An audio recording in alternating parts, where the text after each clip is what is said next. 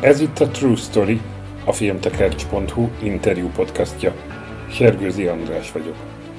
Legújabb vendégünk Angyalosi Eszter forgatókönyvíró, filmes kreatív producer, akivel mai témánk fókuszában a sorozatok állnak.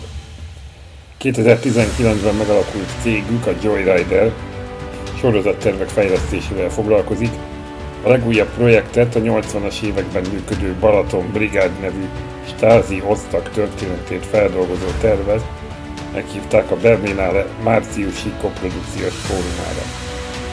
A valószínűleg jövőre forgó 8 részes sorozat rendezője Enyedi Ildikó lesz, producerei pedig az HBO sorozatait fejlesztették korábban. Eszter azonban íróként és egy kiadó szerkesztőjeként dolgozott sokáig, Onnan került át az HBO fejlesztői csapatába. Ott volt a csatorna nagy sikerei, a terápia és különösen az aranyélet születésénél, ahol előbb hazai, aztán nemzetközi telepen szerzett tapasztalatot a jó forgatókönyvről. Nem meglepő hát, hogy a hazai és az európai sorozatok világáról beszélgettünk. Arról is, miért Izraelből indulnak a legjobb licenszek, mi annyira jó a skandináv gyártásban, és hogy miért lehetne a következő nagy áttörés Kelet-Európából, akár Magyarországról. Mielőtt azonban belekezdünk a beszélgetésbe, felhívom figyelmedet, hogy a True Story Interview Podcast megtalálható az iTunes, a Spotify és a Google Podcast kínálatában is. Iratkozz fel te is, hogy mindig megkapd a legújabb epizódot, és szívesen veszünk bármilyen hozzászólást, véleményt, javaslatot is az adásokkal kapcsolatban. Esztert először a Balaton Brigáddal kapcsolatos tervekről kérdeztem.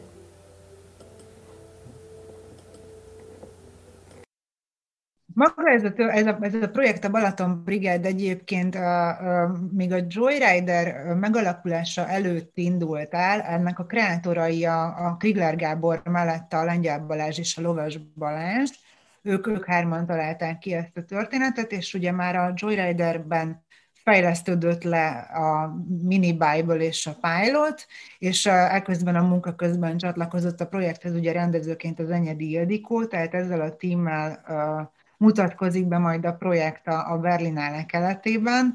Elképesztően izgalmas, ahogy mondod, ez az egész lehetőség, amit, amit kaptunk. A story maga, illetve a story engine kapcsán szerintem az az igazán izgalmas, és ami, ami egy nagyon jól működő sorozattá teszi ezt a történetet, hogy van egy főhősünk, akinek van egy, egy szakmája, van egy szakmai ambíciója, ugyanakkor van egy, van egy családja, és a családjának a biztonságban tudása, a gyermekeinek a megvédése, illetve az, hogy az ő számukra egy lehetőséget adjon, ez nagyon-nagyon-nagyon komoly összetűzésben kerül azzal, ami, ami a, ami maga a, a, a szakmai ambíciója volna. Tehát, hogy ez a, ez a férfi alapvetően egy olyan meghasonlott helyzetbe kerül, hogy, hogy az életében egy ilyen teljesen feloldhatatlan konfliktus kerül be ami ugye a jó esetben újabb és újabb kiváló cselekményeket és bonyodalmakat okoz körülötte, és ettől borzasztóan jó sorozat alapanyag ő. De emellett, tehát hogyha ezt tovább gondoljuk, ezt az egészet, ezt az ősi konfliktust, ugye ez nem csak őnála van, hanem az összes mellékszálon, illetve az összes ö, ö, karakternek a sztori ívében ugyanez a, ez a motor mozgatja a bonyodalmakat, ami tulajdonképpen arról szól, hogy, hogy mindannyian ma is, ez egy történelmi sorozat abban az értelemben, hogy 80-as évek közepén játszódik, de hogy a mai világunkról is szó, mert mindannyian abban hogy azzal, azzal küzdünk, hogy a saját körülményeink a lehetőségekhez képest jussunk előre, hogy néha másokon átgázolva védjük meg azokat, akik fontosak nekünk, de hogy közben meg mégis valahogy megmaradjunk azok között, a keretek között, azok között az értékek között, amelyekben hiszünk. És hogy, hogy szerintem ez egy olyan megválaszolhatatlan kérdés, hogy hogyan maradj ő az elveidhez, de közben hogyan, hogyan harcolj meg a céljaidért, ami, ami elég sokáig nyitva tud tartani egy sorozatot. Mm-hmm. Ugye a, a, a Balatonon játszódik, és arról szól, hogy a nyugat és kelet-német családok, akik itt találkoznak, a stázi tulajdonképpen évekig, évtizedekig azon dolgozott, hogy hogy ne kapjanak valós képet a nyugati helyzetről a, a kelet-német családok. Az, hogy ez egy magyar fejlesztésű sorozat, vagy egy magyar gyökerekkel rendelkező sorozat, ez nyilván ez, ez segíti azt, hogy a Balaton, illetve a, a, a szocializmus, az államszocializmus, ez két olyan hívószó, ami itthon, ami itthon ugyanazt gondoltatja, vagy ugyanarról, ugyanazt jelenti az embereknek, ha jól sejtem. Vagy szóval, hogy, hogy van, van-e valami ilyen közös drive, ami, ami ilyenkor kell, hogy legyen, amikor egy sorozat terv összeáll, vagy általában egy film terv összeáll?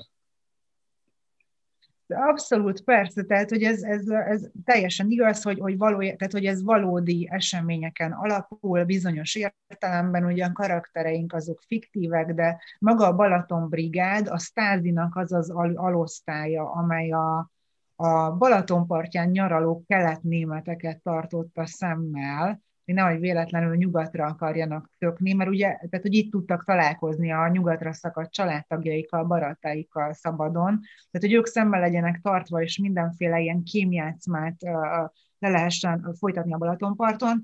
Ez, ez ugye ez mindig igaz, és ugye ez már önmagában szerintem egy ilyen nagyon vonzó és érdekes hívószó, vagy egy olyan, olyan alaphelyzet, ami, ami könnyen fölkelti az emberek érdeklődését. És ez, amit mondasz, igen, hogy, hogy tulajdonképpen németekről szóló német sztori, de teljes egészében Magyarországon játszódik, egy ma- magyar helyszín, magyar valóság, a magyaroknak teljesen ismerős világ, úgyhogy ez szerintem itthon is borzasztóan érdekes, és ami a legérdekesebb az az, hogy rámutat valamire, a, vagy a, tehát hogy épül valamire, ami egy ilyen közös gyökér, ugye az NDK és Magyarország között, és ugye a németek is ugyanúgy ezzel a kelet-nyugat problematikával, ugyanezzel a múlttal vannak maguk mögött, mint mi, és hirtelen valami, ami egy tök lokális, nagyon specifikus projekt, elkezd egy ilyen, egy ilyen univerzális valami nőni, amivel tehát, hogy mindenféle különböző náció tud mit kezdeni.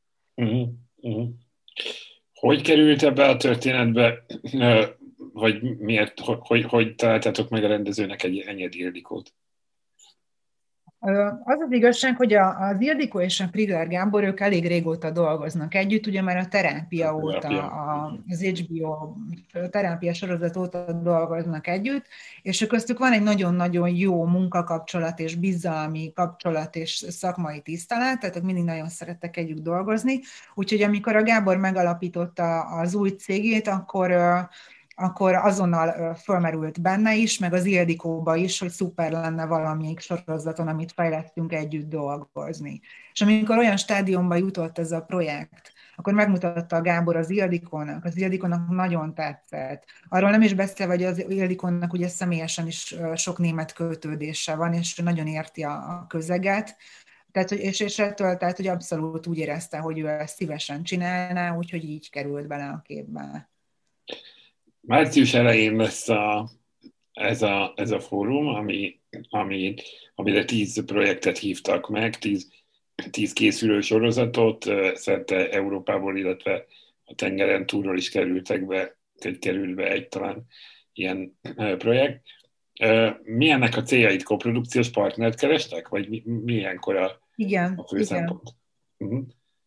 Igen, ez egy, ez egy olyan fórum, ahol lehetőséget kapnak ezek a, ezek a, az ambíciózus nemzetközi érdeklődésre számot tartó sorozatok, hogy bemutatkozzanak a lehetséges partnerek, befektetők és csatornák számára, hogy, hogy aki valamelyikbe beszeretne szállni, akkor még ebben az igen korai stádiumban tudjon csatlakozni. Igen. Tehát, hogy, hogy igen, tulajdonképpen itt arról van szó, hogy a, az elmúlt év vagy évtizedben ugye egyre több sorozat készül Európában is. Ezek között nem egy nemzetközi ambíciókra törő nagy projekt, és ezeknek a finanszírozása azért egy elég komplikált és jelentős probléma sokak számára, és azért egész Európában egyre elterjedtebb az, hogy koprodukciós modellekben gondolkoznak. Tehát, hogy nem egy forrásból áll össze a pénz egy sorozat elkészítésére. És ezek a, tehát a nemzetközi filmfesztiválok erre az igényre reagálva álltak elő a nagyobbak ezekkel a pitch fórumokkal, ahol ezek a koprodukciós közreműködések létre tudnak jönni. Tehát akkor azt, azt mondhatjuk, hogy, a, hogy ez a filmterv az eddigi hazai produkcióknál nagyobb költségvetés tervez. És, vagy ez a korábbiaknál is jellemző volt, bocsánat, hogy, hogy ilyen koprodukciós fórumokon részt vesz? Ugye ez, ez egy nagyon érdekes kérdés, mert ehhez ugye végig kellene gond, vagy végig kell gondolnunk a magyar, magyar sorozatpiacot.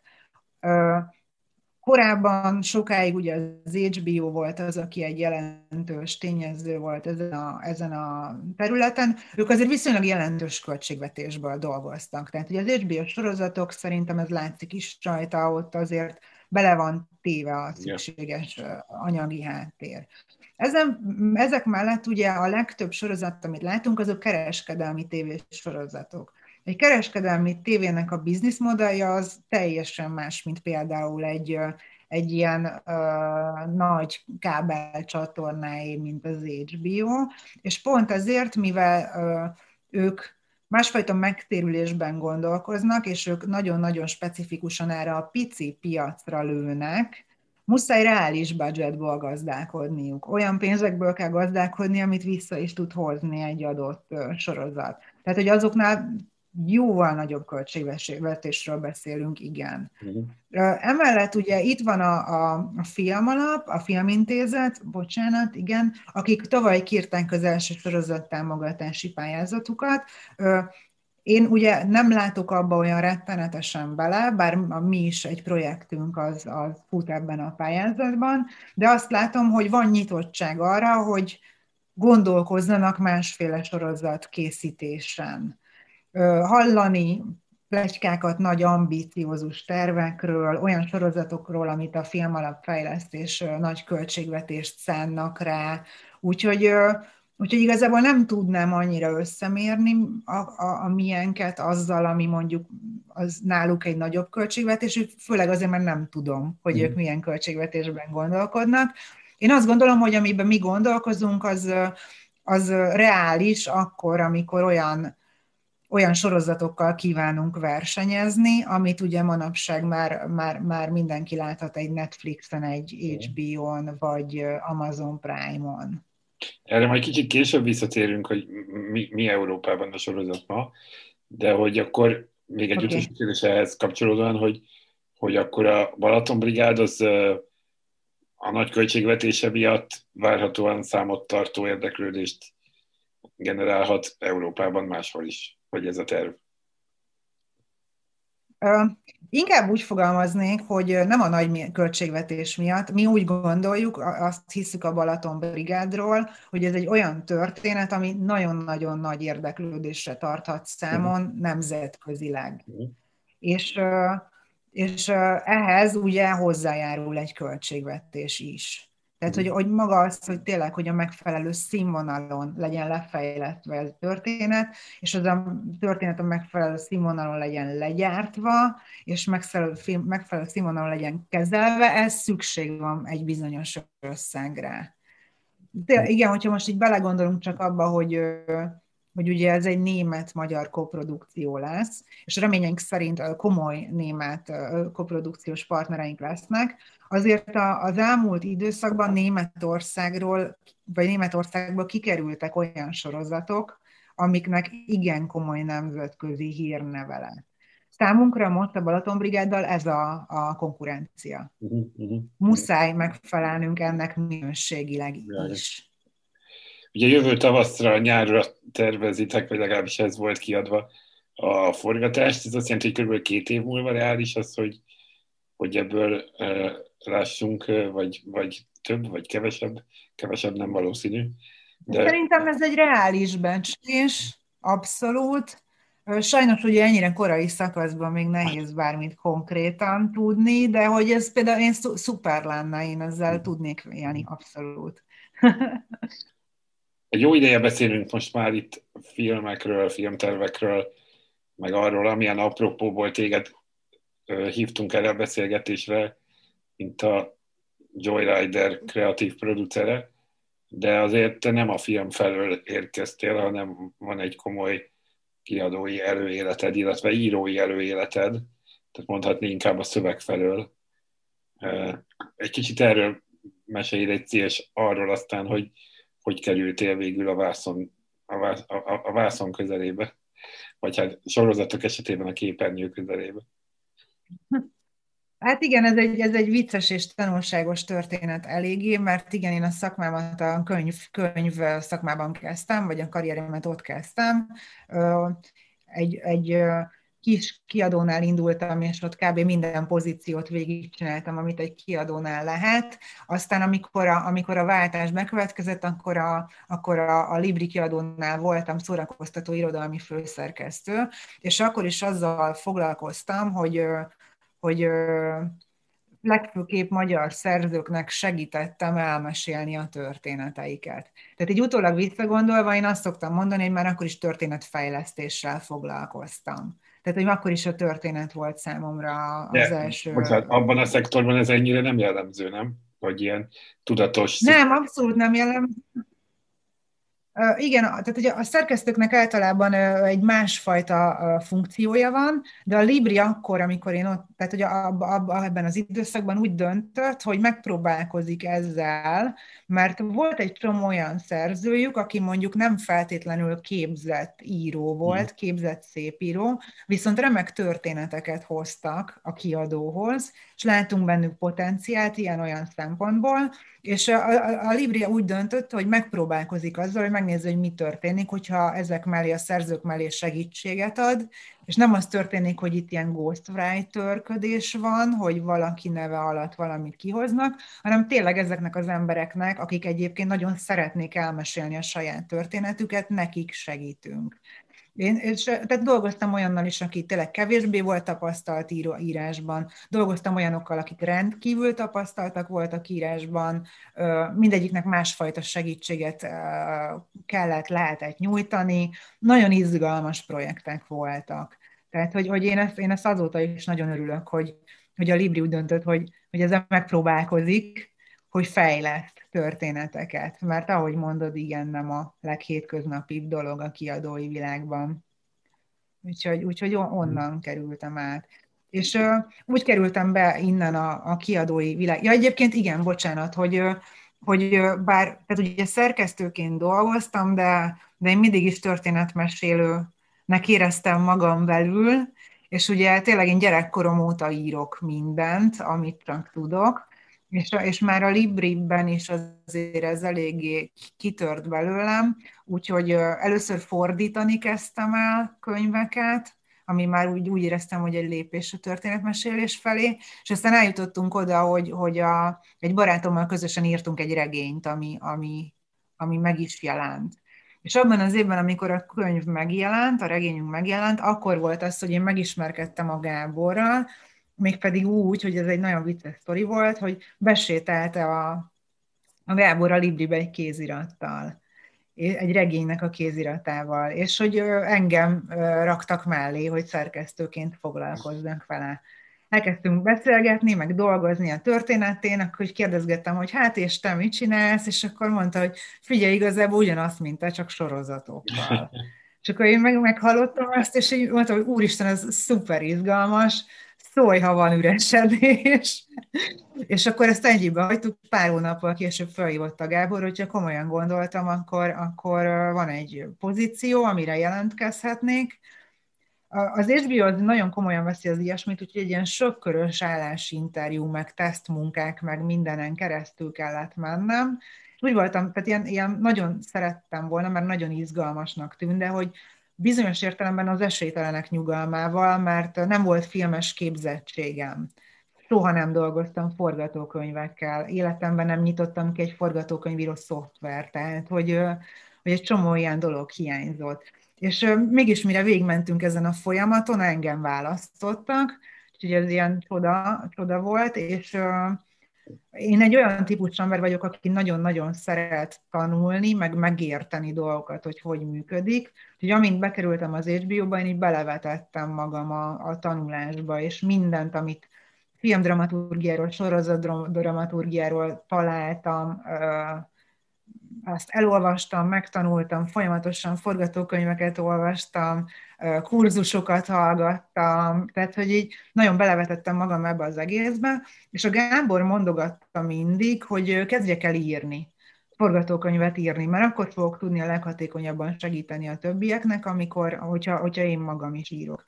És mondtam, hogy oké, okay, és emlékszem, hogy az első, azt hiszem, Aranyélet spec script volt, amit írtam, így magamnak.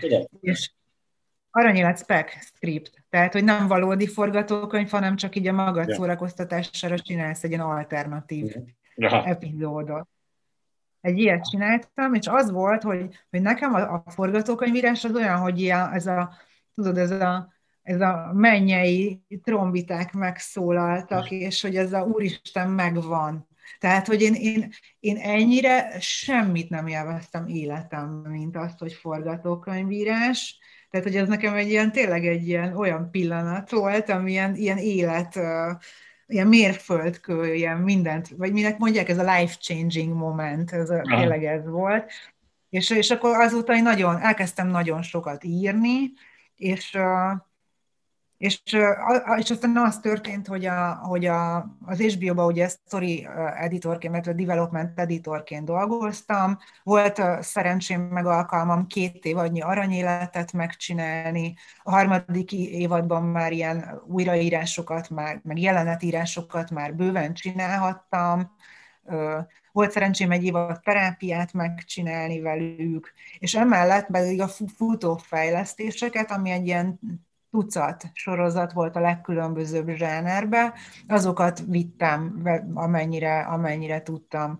És, és aztán, amikor a Gábor úgy döntött, hogy ott hagyja az HBO-t, és megalakítja a saját cégét, akkor akkor az volt, hogy megint egy ilyen nagy választás előtt álltam, vagy egy választás előtt. Ja, igen, még az HBO-ban ismerkedtem meg egy forgatókönyvíróval, akivel mi elkezdtünk így együtt dolgozgatni. Nagyon jól tudunk, vagy azóta is ugye folyamatosan írunk együtt, tehát, hogy én ott, ott ismerkedtem meg, meg ezzel a, az íróval, akivel elkezdtünk, és ő hívott el először egy nagyjátékfilm projektbe írónak. És uh, már az HBO alatt elkezdtem vele dolgozni egy nagyjátékfilm forgatókönyvben, és amikor a Gábor eljött az HBO-tól, akkor akkor volt, hogy egy nagy döntés elé kerültem, mert felajánlották nekem, hogy vegyem át a, a helyét a cégnél, viszont ez azt jelentette, hogy el kell mennem teljesen ebbe a produceri irányba, és az íróságomat azt el kell felejteni. Igen. Igen. És az volt, hogy, hogy akkor én már tudtam, hogy, hogy én nem, tehát hogy nekem Engem az annyira, tehát hogy csodálatos lehetőségnek hangzott, de hogy én írni szeretnék. Tehát, hogy úgyhogy, úgyhogy, úgyhogy eljöttem én is az HBO-tól, és viszont én, tehát, hogy én a, a, a Krigler Gáborral nagyon szerettem mindig dolgozni, és ami még nagyon fontos, hogy a kreatív vízióját azt abszolút osztom. Uh-huh. Tehát, hogy nincsen az, hogy, hogy sokszor van az, amikor dolgozol valakivel, hogy másképp gondolkodtok írásról, storytellingről. Mi a Gáborral egyáltalán, tehát, hogy abszolút ugyanúgy gondolkozunk. Én az ő víziójába, az ő ízlésébe abszolút hiszek, teljesen mellé tudtam mindig állni, és nagyon jól tudtunk együtt dolgozni, úgyhogy ezért, amikor megalakult a cége, akkor én már így elkezdtem környékezni, hogy hogy engem azért az érdekel, és, akkor, és akkor meg is, meg is egyeztünk nagyon hamar, hogy én is beszálltam a, a cégbe, és most meg már együtt csináljuk. Úgyhogy, úgyhogy igen, ott hagytam a, az HBO-t én is, és azóta forgatókönyvíróként dolgozom, story editorként továbbra is, de most már mint szabadúszó, viszonylag sokat tanítom ezt az egészet nemzetközi workshopokon, és emellett pedig a Joyriderben dolgozom, mint író kreatív. Ez a nemzetköziség, amennyire láttam, az, az, az önéletrajzodban, ez a Torino Series Lab volt az első ilyen komoly állomás. Uh-huh. Cáfolj meg, ha rosszul. Igen, igen. De hogy tulajdonképpen igen. itt volt először az, hogy nem csak hazai szemszögből, vagy hazai környezetben néztél rá egy sztorira, hanem, hanem volt egyfajta nemzetközi kitekintés. Ez hogy jött ez a torinói dolog, és mi volt ennek a fő tapasztalata? Ez úgy kezdődött, hogy még az HBO-nál dolgoztam, amikor, amikor a, a Részt vettem a Gent Film, Genti Filmfesztiválon egy sorozatokról szóló panelbeszélgetésen vendégként. És velem együtt részt vett Eilon Rackinkowski, aki a Torino Film Lab egyik, egyik alapító figurája, illetve az egyik vezető figurája, és elkezdtünk beszélgetni, és nagyon érdekesnek találtam, hogy ők a munkájuk során, a, a lab során nagyon hasonló problémákkal szembesülnek, mint amikor én dolgozom az HBO-ban projektfejlesztőként. Nagyon sok ilyen élményt osztottunk meg, meg nehézségeket beszéltünk ki, és úgy váltunk el egymástól, hogy én mondtam az Élonnak, hogy tök jó lenne valamikor együtt dolgozni, és hogyha gondolják, tehát hogyha tudok valamit tenni, akkor gondoljanak rám. És fél évvel később érkezett egy megkeresés tőlük, ami a, akkor kezdték el, tehát hogy nekik vannak a nagy híres programjaik, ami a Torino Script Lab, a Torino Film Lab és a, a Torino Series Lab. Ez a három nagy, hosszú hónapokon keresztül folyó, nagy presztízsű fejlesztésű dolog, és emellé ki akar, kitalálták azt, hogy szeretnének ilyen, ilyen rövidebb, ilyen intenzívebb lehetőséget is nyújtani embereknek, hogy így minél többen mehessenek keresztül ezen a Torino Lab élményen. Kitalálták az úgynevezett Torino Extended programsorozatot. És az első dolog az az volt, hogy az első Torino Series Extended-re fölkértek engem mentornak. És ott kellett egy előadást tartanom, meg dolgoztam egy pár íróval a sorozatötletein, egy hét Torinóban volt, igen. Tehát ez volt az első. Uh-huh. És akkor innentől a, a, az extendedek folytatódtak, tehát ott, ott hívtak több extendedre. Ami még történt, az az, hogy a, a Torinóban volt tanítványom egy olyan amerikai úriember, aki Amerikában, észak, tehát Vermontban egy saját ilyen labot csinál, és neki annyira tetszett, a, amit, amit csináltam, hogy ő meghívott magukhoz egy előadásra és a, a, elmentem hozzájuk egy előadásra, tartottam nekik egy előadást, meg, meg dolgoztam ott is egy pár íróval, és ott is annyira jól működött ez a közös munka, hogy én azóta velük is rendszeresen együtt dolgozom.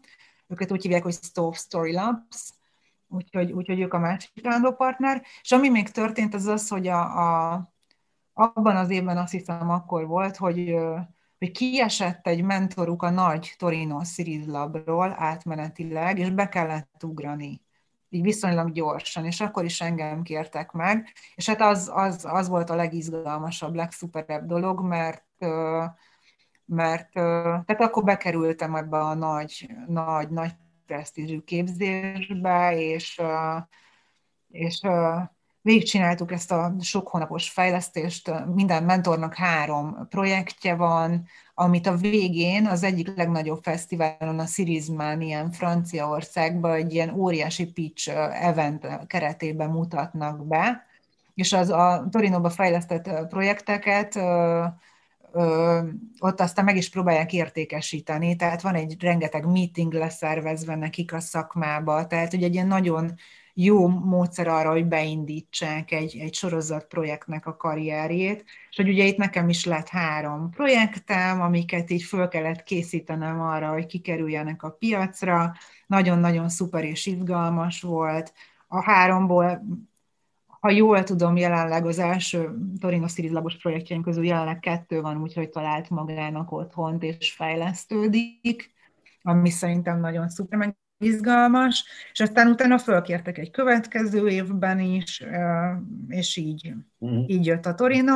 Aztán a Torino az amerikai lab mellett hozott még egy még egy másik felkérést, ahogy most nem még igazából kettőt, hogy a, a, a, elhívtak a Van Kölnben egy nagyon-nagyon izgalmas iskola, aminek az a neve, hogy International Film School, és ők egy két éves képzést kínálnak nemzetközi írók számára a sorozatírásról, és most ott a két végzősnek a projektjét mentorálom. Ezek közül az egyikük egy magyar, egy magyar író egyébként, és a, a legújabb pedig az, hogy a, egy észak-olasz lab, akiket úgy hívják, hogy Rakkonti, most velük kezdtem el együtt dolgozni, viszont az meg már nagy játékfilmfejlesztés, az nem is sorozat.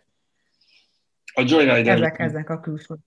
Viszont kifejezetten, ahogy láttam, sorozatokkal foglalkozik, illetve ez Abszolút. a profilja, és hogy tulajdonképpen mi hívta, tehát igazából a kezdetekre próbálnék, hogy vagyok kíváncsi, hogy mi hívta életre, és volt-e az életre hívásában egy ilyen fontos szempont, hogy a hazai fejlesztésű, főleg ugye licenc alapján készült HBO sorozatokból kiléptetek egy, egy nemzetközi térbe. Tehát ez volt-e az, ami ilyen gyújtópont volt, vagy egyáltalán mi, mi hívta életre ezt az egész projektet, ezt az egész üzményezést? Hát ugye, ugye az egésznek az eredője ő a Gábor, a Krigler Gábor, ez neki volt a, az álma, illetve a Gábor meg az emőke, a Krigler Tóth emőke, aki a Gábornak a felesége, és ő biznisz oldalról jön. Az emőke is korábban, mielőtt a Joyrider meg, megalapult, is ilyen nemzetközi multi hátterű ember, tehát ő is egy ilyen nemzetközi vonalról jön, és neki is ilyen tapasztalatai voltak, és ugye Gábornak, meg nekem is az HBO-n keresztül ugye nemzetközi tapasztalataink voltak. Emellett ugye ez a tény, hogy a, a workshopokon keresztül lett egy rálátásunk a nemzetközi szakmára, lett egy rálátásunk a nemzetközi írókra, a nemzetközi projektekre. Mindezeket egybevetve szerintem megszületett bennünk az a, az a az az igény, vagy az az elképzelés, hogy, hogy, hogy, hogy bár a magyarokon azt látjuk, hogy, hogy nehezen hiszik el magukról, de mi is abszolút képesek vagyunk arra, hogy, hogy versenybe lépjünk ezen a, ezen a területen.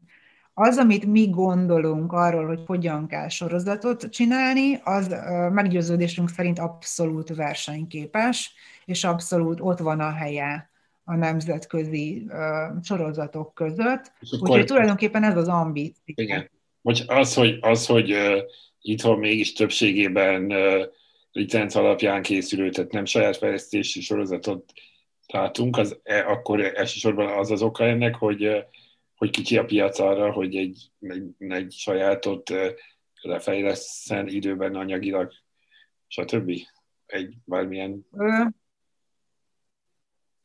Szerintem egyfelől az, hogy a kicsi piac is benne van, de leginkább az, hogy, hogy, hogy azért ez egy nagyon, hogy is mondjam, ilyen, ilyen sűrű dzsungel, ez a sorozatpiac. Viszonylag kevés benne a, a, az objektív kapaszkodó. Nincsenek biztos receptek, nincs biztos siker. És, és viszont azt is kell látni, hogy ez egy iszonyatos pénzeket mozgató iparág minden egyes projekt hatalmas kockázat. Nagyon-nagyon sok pénzt kell beletenni. Ezért azok, tehát, hogy azok az emberek, akik a pénzt adják, azok mindent megtesznek azért, hogy bebiztosítsák magukat.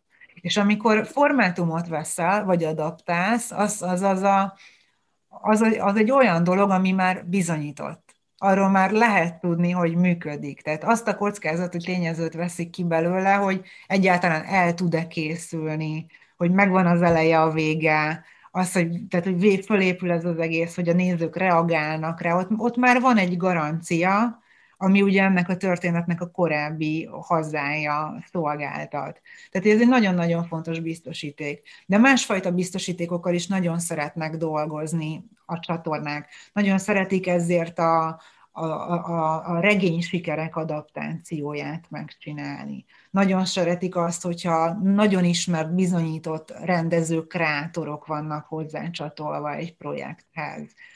Vannak ezek, ezek a trükkök, fogások, amivel ugye be lehet biztosítani azt, hogy biztos sose lehet, de hogy legalább a legnagyobb eséllyel legyen, legyen sikeres egy sorozat. És azt gondolom, hogy igen, hogy az adaptáció az, az, az, az, az ennek az egyik leg, nem is tudom, hogy fogalmazzak, tehát hogy az adaptáció az, ahogy a legjobban biztos lehet benne egy befektető, hogy meg fog térülni a mhm. befektetésen. Mhm. Tehát, hogy inkább egy ilyen anyagi okok is vannak, tehát nagyon anyagi okok vannak, de hogy nem feltétlenül az, hogy kicsi a piac, és nem éri meg többet beletenni, hanem inkább a, a kockázat része miatt. Holott azt nagyon mondod, sok helyen látni Igen, bocsánat, kicsit késik a hangunk, ezért beszélünk. Igen, meg. igen, igen. De hogy holott azt mondanád, hogy egyébként szürke állományban meg lenne itthon az a, az a, az a tehetség és az a, az a, az a munka, ami ennél nagyobban is gondolkodhatna. Én azt gondolom, igen, hogy nagyon sok nagyon tehetséges írónk van, ami még hiányzik, az az a fajta szakmai tapasztalat, ami szerintem elengedhetetlen ahhoz, hogy egy ember egy íróra vagy egy írócsapatra rá lehessen bízni egy 6-szor, 8-szor, 10-szer, 12-szer 60 percet. Mert, mert és ez teljesen az én szubjektív véleményem, hogy van egy jó, és de egyébként ez, ez európai tapasztalatom, és nem csak az enyém, hanem az összes többi kollégám, akikkel az európai szinten dolgozunk, osztják ezt a tapasztalatot, hogy ugye Európában, és legfőképp Kelet-Európában van egy óriási tradíciója ennek a, az art house filmkészítésnek. Ugye ez a rendezőközpontú művészfilmes filmkészítés.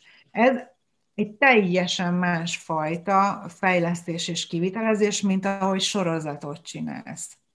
A sorozatot teljesen máshogy kell megközelíteni. És amíg mondjuk az író, íróink nem értik ezt, nem fogják fel, nem tapasztalják meg azt, hogy milyen, hogy miért van szükség csapatra ahhoz, hogy megírjanak egy ilyet, hogy hogyan kell feedbackekre felállni, hogyan kell felelősséget vállalni megbízók felé, ugye a sok-sok ember felé, aki a pénzt összerakja, aki a kockázatot vállalja a projekt felé. Amíg azt megértik, hogy ez nem arról szól, hogy ők, mint művészek kiteljesedhessenek, hanem hogy ez a projektről szól, amiért rengeteg ember dolgozik együtt, hogy a lehető legjobb legyen. Amíg ez a mentális váltás nem történik meg, addig nem vagyunk alkalmasak rá, de, de egyébként mindenünk megvan hozzá. A tehetség megvan hozzá, a szakmai tudás hozzáférhető, egyszerűen a tapasztalat én szerintem azt is meg lehet szerezni, és utána már tényleg csak ez kell, hogy, hogy ezt a mentális váltást megcsinálják.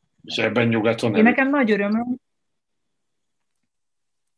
bocs, csak még annyi, hogy nekem egy ilyen nagy örömöm, hogy azt látom, hogy az elmúlt években évről évre nő a magyar jelentkezők száma ezeken a nemzetközi workshopokon. Ez az egyik nagyon jó módja annak, hogy megszerezd ezt a tudást és tapasztalatot. És korábban nem jelentkeztek, mert azt gondolták, hogy áh, minek. Uh-huh.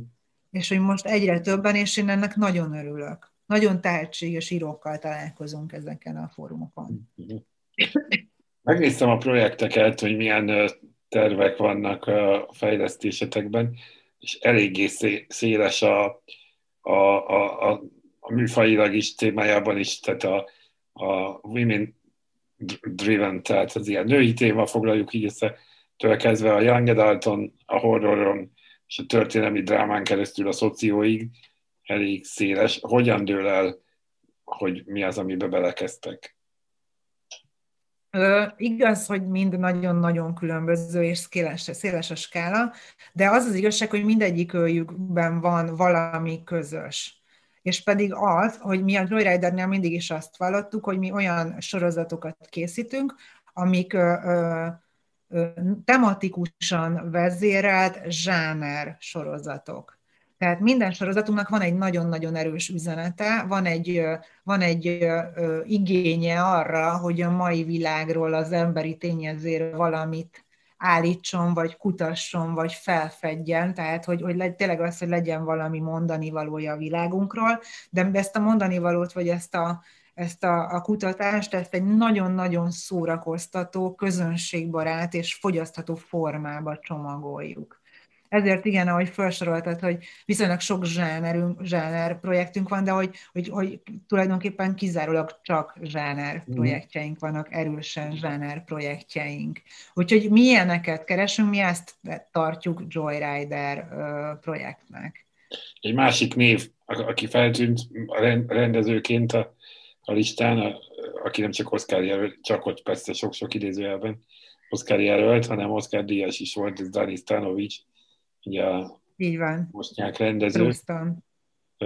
A Frust című sztori, ami emlékeztetett arra, hogy az HBO-nál is volt már neki egy, egy sorozata, ez a Siker című néhány év igen, igen, igen. hogy még erről esetleg, ha tudsz pár szót mesélni, hogy hogy jött ez a projekt, hogy jött Tanisztanovics személye, egyáltalán mit lehet erről tudni?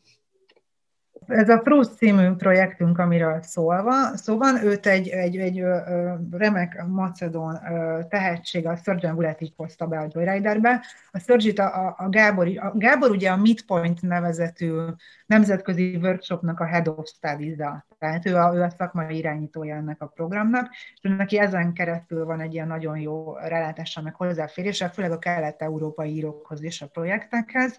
Így ismerte meg a Surgeon és így találta ezt a projektet. És amikor a, a találkozott ezzel a projekttel, akkor, akkor egyből érezte, hogy ez egy Joyrider projekt lehetne, úgyhogy meg is állapodtunk a surgeon hogy, hogy velünk fogja fejleszteni, és amikor elkészültünk azzal, a, azzal az induló csomaggal, amit az összes projektünkhöz először előállítunk, akkor elkezdtünk emellé potenciális koprodukciós partnereket keresni. Ugye ez a, ez a projekt ez eleve egy macedón írotól származik, és azt tudtuk, hogy hogy vagy Macedónia, vagy Szerbia, de hogy abban a régióban kellene, tehát mindenképp ott játszódik, úgyhogy ott is fog forogni. Úgyhogy ebből tudtuk azt, hogy, hogy ugye ez nem egy olyan projekt, amit mi magunk gyártás szempontból végig tudunk vinni, úgyhogy egyértelmű volt, hogy viszonylag hamar kell találnunk valakit, aki a, a helyi lokális részét viszi. És uh, uh, pitcheltük több felé, és aztán bejött a képbe a Firefly, akik az egyik legnagyobb produkció cég, rengeteg sorozatot készítenek, több csatornának is, úgyhogy ez egy, ez egy óriási dolog volt, amikor ők, ők megtalálták és megszerették ezt a projektet, és ők becsatlakoztak hozzánk, és uh, uh, emellé már csak az kellett, hogy csatoljunk egy rendezőt, hm. aki, aki potenciálisan szóba jött a megvalósításához, és most hirtelen én nem is emlékszem, hogy a, hogy a Firefly-tól vagy a Surgeon-től jött ő, hogy melyik őjük ismerte őt, de megmutatták neki, és nagyon tetszik neki a projekt, és nagyon boldogan adta a nevét hozzá, úgyhogy, úgyhogy így jött a képbe. Meglátjuk, hát, hogyha meg lesz, akkor hallunk még róla. Lassan vég... Biztosan egyébként ez az a, bocsánat, csak ez az a projektünk, ami, ami talán a, a tehát, hogyha nekem fogadnom kéne, akkor ez az, ami szerintem először fog uh, forogni az összes projektünk közül. Mert ennél már tényleg csak az ilyen utolsó uh, lépések vannak ahhoz, hogy tényleg beleugorjunk ebbe a, a gyártás előkészítés, illetve hogy a, a forgatókönyvfejlesztés második szakaszába. Igen. Jó, uh, akkor biztos fogunk még hallani róla. De picit így lezárásképpen beszéljünk arról, hogy, hogy egyáltalán egyre több, egyre több felől hallunk olyan minőségi sorozatokat, amik, amik elérkeznek akár Magyarországra is, amik nyilván segítenek a streaming szolgáltatók terjedése, segít ezeknek a terjedése is, de hogy ezen a bizonyos NFI előadáson, amit az elején említettem, szóval került az, hogy az izraeliekről például tudtunk, vagy hogy, hogy jó izraeli sorozatok vannak, amiket ugye az HBO gyorsan le is csapott, és aztán ez világszerte elterjedt. De például feljöttek még a belgák, hogy nagyon jó belga sorozatok vannak. Itt már említettél bizonyos írói mentális kérdéseket, vagy mentalitásbeli kérdéseket, de, de van-e még olyan valami, ami miatt lehet azt mondani, hogy egy adott nemzet sorozatgyártása, vagy az ottani, az ottani szokások, vagy mi az, ami befolyásolja ezt. Tehát mitől függ az, hogy valahova érdemes odafigyelni, és az onnan jövő sorozatok némileg garanciát is jelenthetnek akár. Van-e ilyen egyáltalán? Ez egy nagyon érdekes kérdés. Ugye az izraeliekről és a skandinávokról tudjuk azt, vagy ezt így lehet tudni így a szakmán belül, hogy ők a, a évtizedekkel ezelőtt ők rengeteg munkát tettek abba, hogy tudatosan eltanulják az amerikai sorozatkészítési módszereket. Tehát, hogy ők, ők azért egy olyan mentalitással, meg egy olyan szakmai professzionalizmussal kezdtek el a saját sorozataikon dolgozni, ami mögött az összes amerikai tapasztalat ben volt.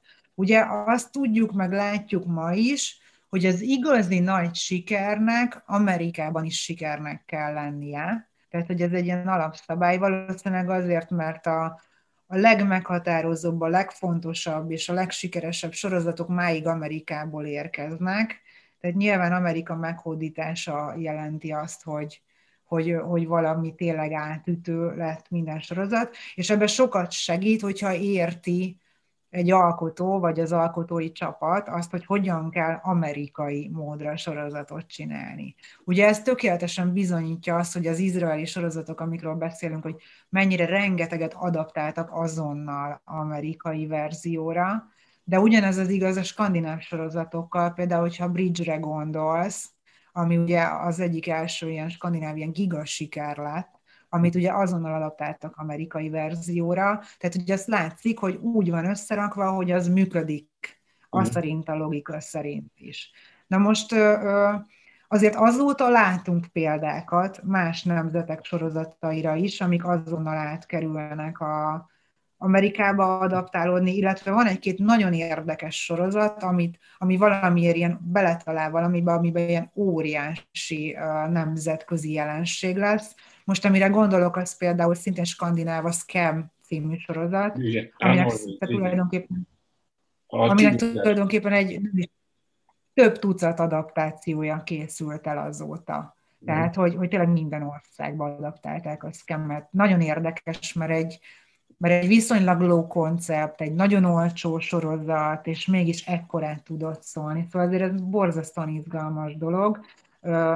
Ami még szerintem egy fontos kérdés, vagy amiért most nekünk egy ilyen nagyon izgalmas helyzetünk van, az a, az a Netflix-el kezdődött, és azon belül is a Narcosszal. És ezt azért emelem ki, mert a Narcos volt az első olyan sorozat, ami bebizonyította, hogy nem kell angolul beszélni egy sorozatba ahhoz, hogy nemzetközi siker vagy amerikai siker legyen. És, és ezzel egy időben, tehát hogy, ezt, hogy, hogy az emberek elkezdtek nyitottak lenni a feliratos sorozatokra, Hát ez, ez, ez megint óriási, óriási változást hozott szerintem az iparágban. Mert ezzel együtt be tudott az is jönni, hogy ugye nagyon sok lett a sorozat, a készülő új sorozat. Tehát, hogy olyan óriási kínálat van, hogy az dövenet, és mindenki olyasmit keres, ami kitűnik. Uh-huh. És uh, a, egy nagyon uh, eltérő hátterű, identitású országnak a sorozata, az sokkal izgalmasabb vagy érdekesebb, már csak jellegéből fakadólan is, mert másképp épül fel, mint amit mondjuk a... Tehát, ezzel, tehát hogy ennek a tökéletes ellentéteként, mint amit mondtam, hogy az amerikai logikát megtanulva készített sorozatok milyen sikeresek lettek, ugyanakkor Amerikában is borzasztóan kíváncsiak a minél furább nem, nem amerikai sorozatokra. És hogy ennek így tényleg így látni ilyen, látni ennek ilyen jeleit, ami szerintem szuper izgalmas, tényleg Ázsiából érkező sorozatok, vagy akár Európából érkező sorozatok, Afrikában fejlesztenek rengeteget, Latin Amerikába, tehát hogy, hogy, hogy tényleg nagyon izgalmas és, és fura dolgokat lehet találni. Én azt gondolom, hogy a titok itt az, hogy legyen egy iszonyatosan izgalmas, ismeretlen, specifikus közeg, világ, amiben egy nagyon univerzális emberi történet van elmesélve, amire ugye bárhol bárki érzelmileg tud reagálni. Tehát, hogy valószínűleg a, a kulcs az a megfelelő kombinációja ezeknek a dolgoknak, és van egy pár ország, aki, aki erre már így rájött, hogy ezt kellene csinálni. Most ugye nagyon sok mindent látunk Németországból érkezni, ami nagyon izgalmas, egyre többet látunk Spanyolországból érkezni, ami nagyon izgalmas, elég csak a, a Kázadi Papel, a milyen magyarul a címe a Kázadi Papelnek, nem emlékszem. Nem tudom. A Money High című ja. sorozatra gondolom, iszonyatos siker mindenhol a világon. Igen. Tehát, hogy és a, ami nekem ilyen, ilyen, tehát, hogy ilyen nagyon személyes ilyen ambícióm és egy ilyen rögeszmém, hogy szerintem a kelet-európai történetmesélés az nagyon nagy lehet, hogyha ezt okosan csináljuk. Mm. Tehát szerintem a kelet-európai sorozat az lehetne egy következő skandináv sorozat, vagy egy izraeli sorozat. Mi magyarok egyedül kicsik vagyunk hozzá, de a kelet-európai régió együtt, az pedig lehetne viszont olyan, aki, aki, aki ki tud állni a világ elé. Hát ott volt szerintem erre egy nagyon jó példa volt az oldhatatlan, egy 68-as sztori, úgyhogy ez végül is egy jó, jó, jó mozgatórugó lehet. Végezetül hadd kérdezek egy, egy olyat, hogy milyen jó sorozatot láttál mostanában. Mi volt ez? Szoktál-e nézni, vagy csak fejleszteni? És ha igen, akkor... Nagyon-nagyon sok sorozatot nézek, nagyon-nagyon sokat, és nagyon-nagyon össze-vissza mindenféle műfajból.